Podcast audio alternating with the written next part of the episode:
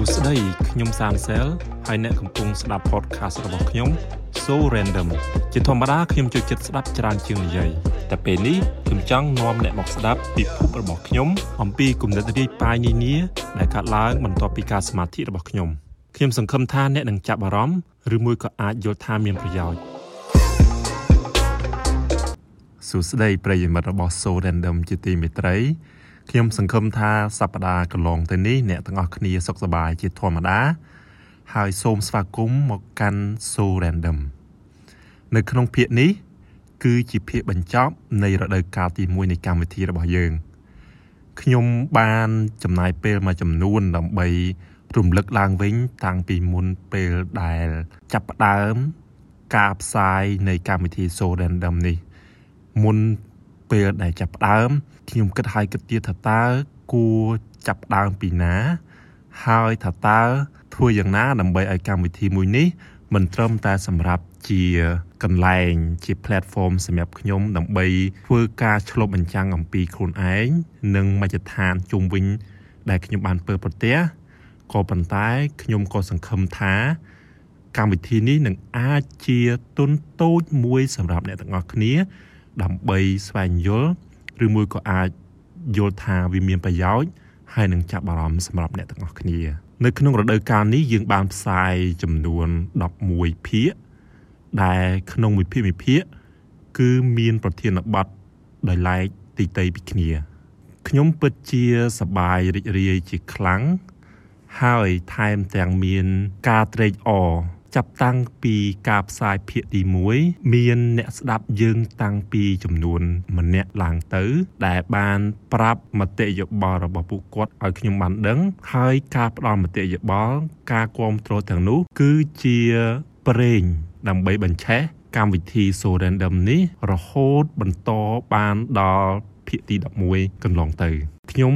គ្មានអ្វីក្រៅពីការលើកដៃសូមអរ គុណដល់អ្នកទាំងអស់គ្នាដែលតែងតែ បើកស្ដាប់កម្មវិធី So Random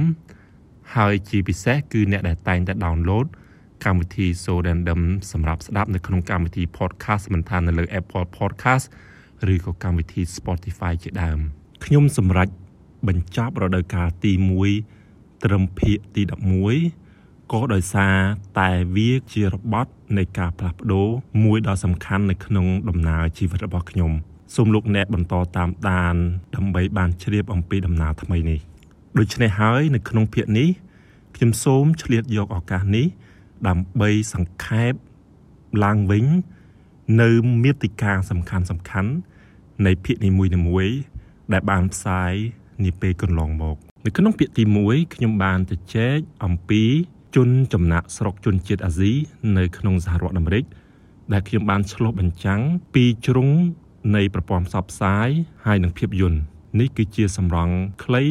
នៃភាគទី1របស់យើង សូមស្ដាប់ដូចតទៅ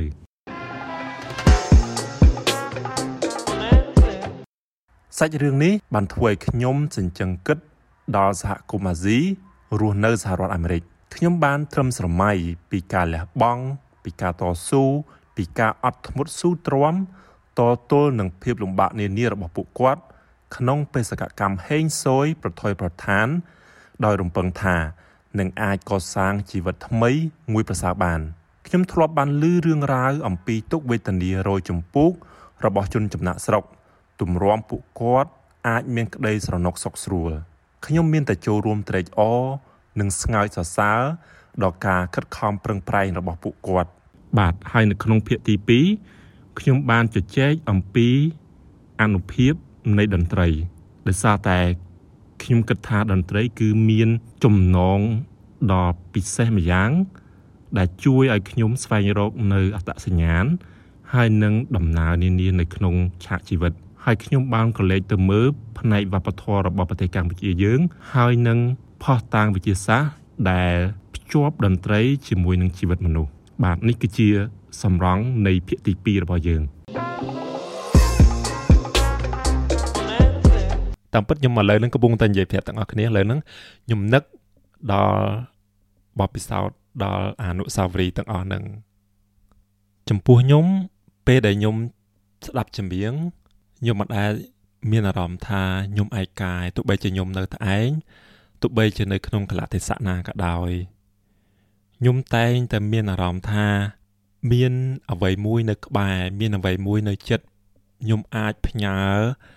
អារម្មណ៍របស់ខ្ញុំខ្ញុំអាចផ្ទេរអារម្មណ៍របស់ខ្ញុំទៅកាន់នរណាម្នាក់តាមរយៈចម្រៀងនឹងដូចមានអ្នកដែលគេកំពុងស្ដាប់ខ្ញុំមានអ្នកដែលគេកំពុងចែករំលែករឿង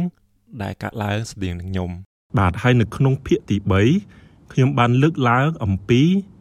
ហេតុអ្វីបានជារដ្ឋាភិបាលមួយចំនួន សម្រាប់ហាមឃាត់មិនអោយប្រើប្រាស់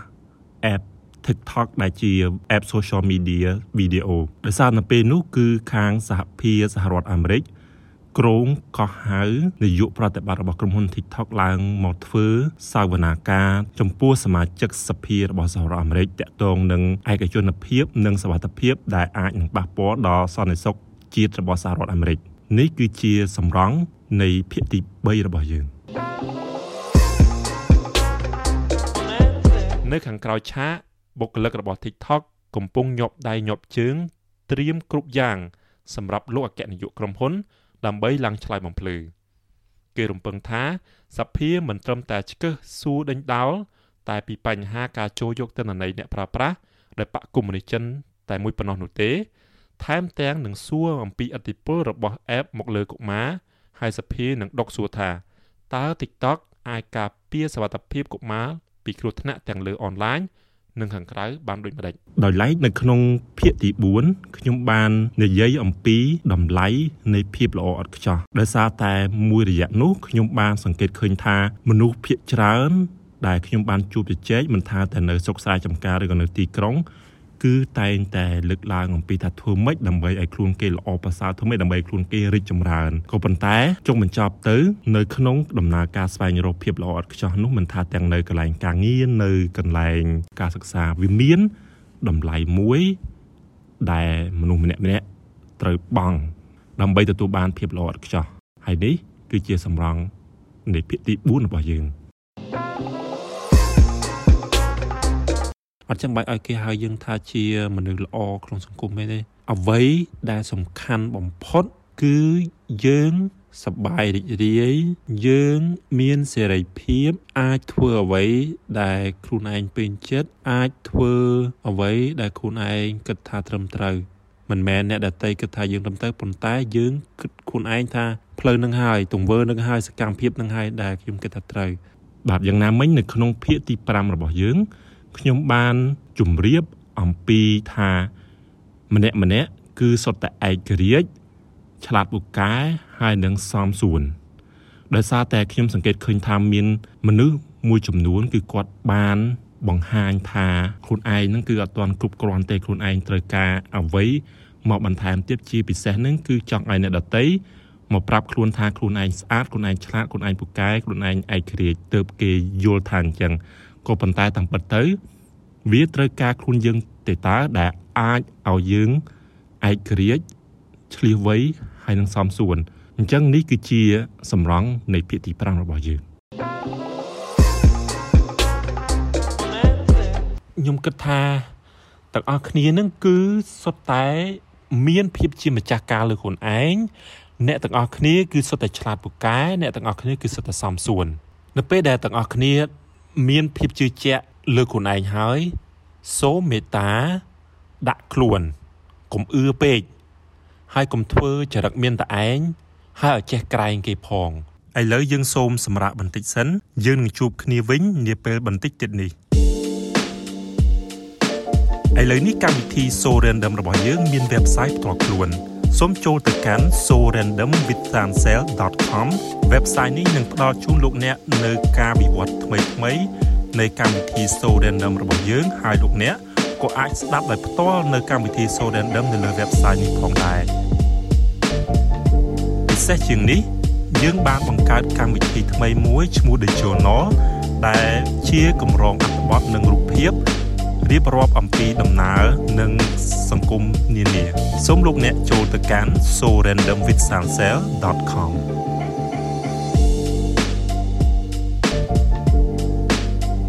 បាទចំពោះភាគទី6ខ្ញុំបានលើកឡើងអំពីការស្លាប់ដោយសារតែពេលនោះមានសមាជិកក្នុងគ្រួសារសាច់ឆ្ងាយរបស់ខ្ញុំម្នាក់បានស្លាប់នៅកកណ្ដាលវាលស្រែហើយវាធ្វើឲ្យខ្ញុំ នឹកគិតទៅដល់ការស្លាប់ថាតើយើងគួរទៅជែកយើងគួរត្រៀមខ្លួនបែបណា សម្រាប់ការស្លាប់ហើយនេះគឺជាសម្រង់ពីភាគទី6ខ្ញុំគិតថាការស្លាប់គឺជារឿងដែលមិនអាចជៀសផុតបានយើងគួរតែទៅចែកឲ្យបានស៊ីជម្រៅអំពី អត្តន័យនៃការស្លាប់ថាតើការស្លាប់ទៅនឹងវាជាអ្វី បាទនៅក្នុងភាគទី7ខ្ញុំបានបកស្រាយអំពីអំណាចនៃភាពទ្រង់ខ្សោយ ដែលខ្ញុំធ្វើការឆ្លុះបញ្ចាំងបន្ទាប់ពីបានអានសៀវភៅ The Laws of Human Nature ឬក៏ច្បាប់ នៃធម្មជាតិរបស់មនុស្សដោយលោក Robert Greene អញ្ចឹងលោកបានលើកឡើងថា មនុស្សយើងកាលពីនៅក្មេងហ្នឹងគឺយើងតែងតែបើកចិត្តទទួលយកស្ដាប់រៀនសូត្រអំពីអ្នកជុំវិញខ្លួនដោយសារតែខ្លួនឯងហ្នឹងគិតថាខ្លួនឯងទុនខ្សោយដូច្នេះហើយងាយនឹងទទួលយកចំណេះដឹងពីមជ្ឈដ្ឋានជុំវិញ ដើម្បីទទួលយកចំណេះដឹងនោះមកការពារខ្លួន ដើម្បីអាចយល់អំពីសង្គមនៅជុំវិញខ្លួនបានក៏ប៉ុន្តែពេលយើងធំនឹងក្តីឡើង យើងហាក់ដូចជារៀងបិទខ្លួនឯងមិនអាច ឲ្យមានភាពទ្រង់ខ្សោយនេះបង្ហាញឲ្យឃើញទេនេះគឺជាសម្រង់ពីភាគទី7របស់យើងចឹងបើសិនបើយើងប្រកាន់យកគំនិតខ្លួនឯងអញ្ញយមនឹងពេកវាអាចនឹងធ្វើឲ្យយើងនឹងធ្លាក់ចូលសុងមួយដែលខាំងយើងมันអាចចាក់ចេញអំពីភាពល្ងងខ្លៅចឹងយើងគួរទទួលស្គាល់ថាគំនិតអញ្ញយមនឹងវាមាននៅក្នុង ខួរក្បាលយើងនៅក្នុងចរិតយើង នៅក្នុងខ្លួនយើង បាទហើយនៅក្នុងភាគទី8ខ្ញុំបាននិយាយអំពីហេតុអ្វីបានយើងគ្រប់គ្នា គួរតែឈប់សម្រាកខ្លះដោយសារតែពេលនោះខ្ញុំយល់ឃើញថា អ្នកដែលគាត់មានចំណេះដឹង ដែលអ្នកដែលគាត់គិតថាខ្លួនឯងពូកែគាត់ធ្វើការធ្វើការមិនបានសម្រាកឬក៏ពេលខ្លះគាត់អត់មិនអាច សម្រេចនៅគោលបំណងរបស់គាត់ទោះបីជាគាត់គិតថាខ្លួនឯងនឹងធ្វើការយ៉ាងណាក៏ដោយអញ្ចឹងដែលខ្ញុំលើកឡើងនោះគឺគ្រប់គ្នាគួរតែដើរចេញពីតុធ្វើការមួយរយៈខ្លីឬក៏រយៈវែងតាមដែលខ្លួនត្រូវការហើយសម្រាប់នេះគឺជាសម្រង់ពីភាគទី8របស់យើងអញ្ចឹងយើងសាកយើងសាកសម្រាប់ យើងសាកទុកពេលវេលាឲ្យខ្លួនឯងទុកពេលវេលាឲ្យផែនដីនឹងជាអ្នកសម្រេចទៅ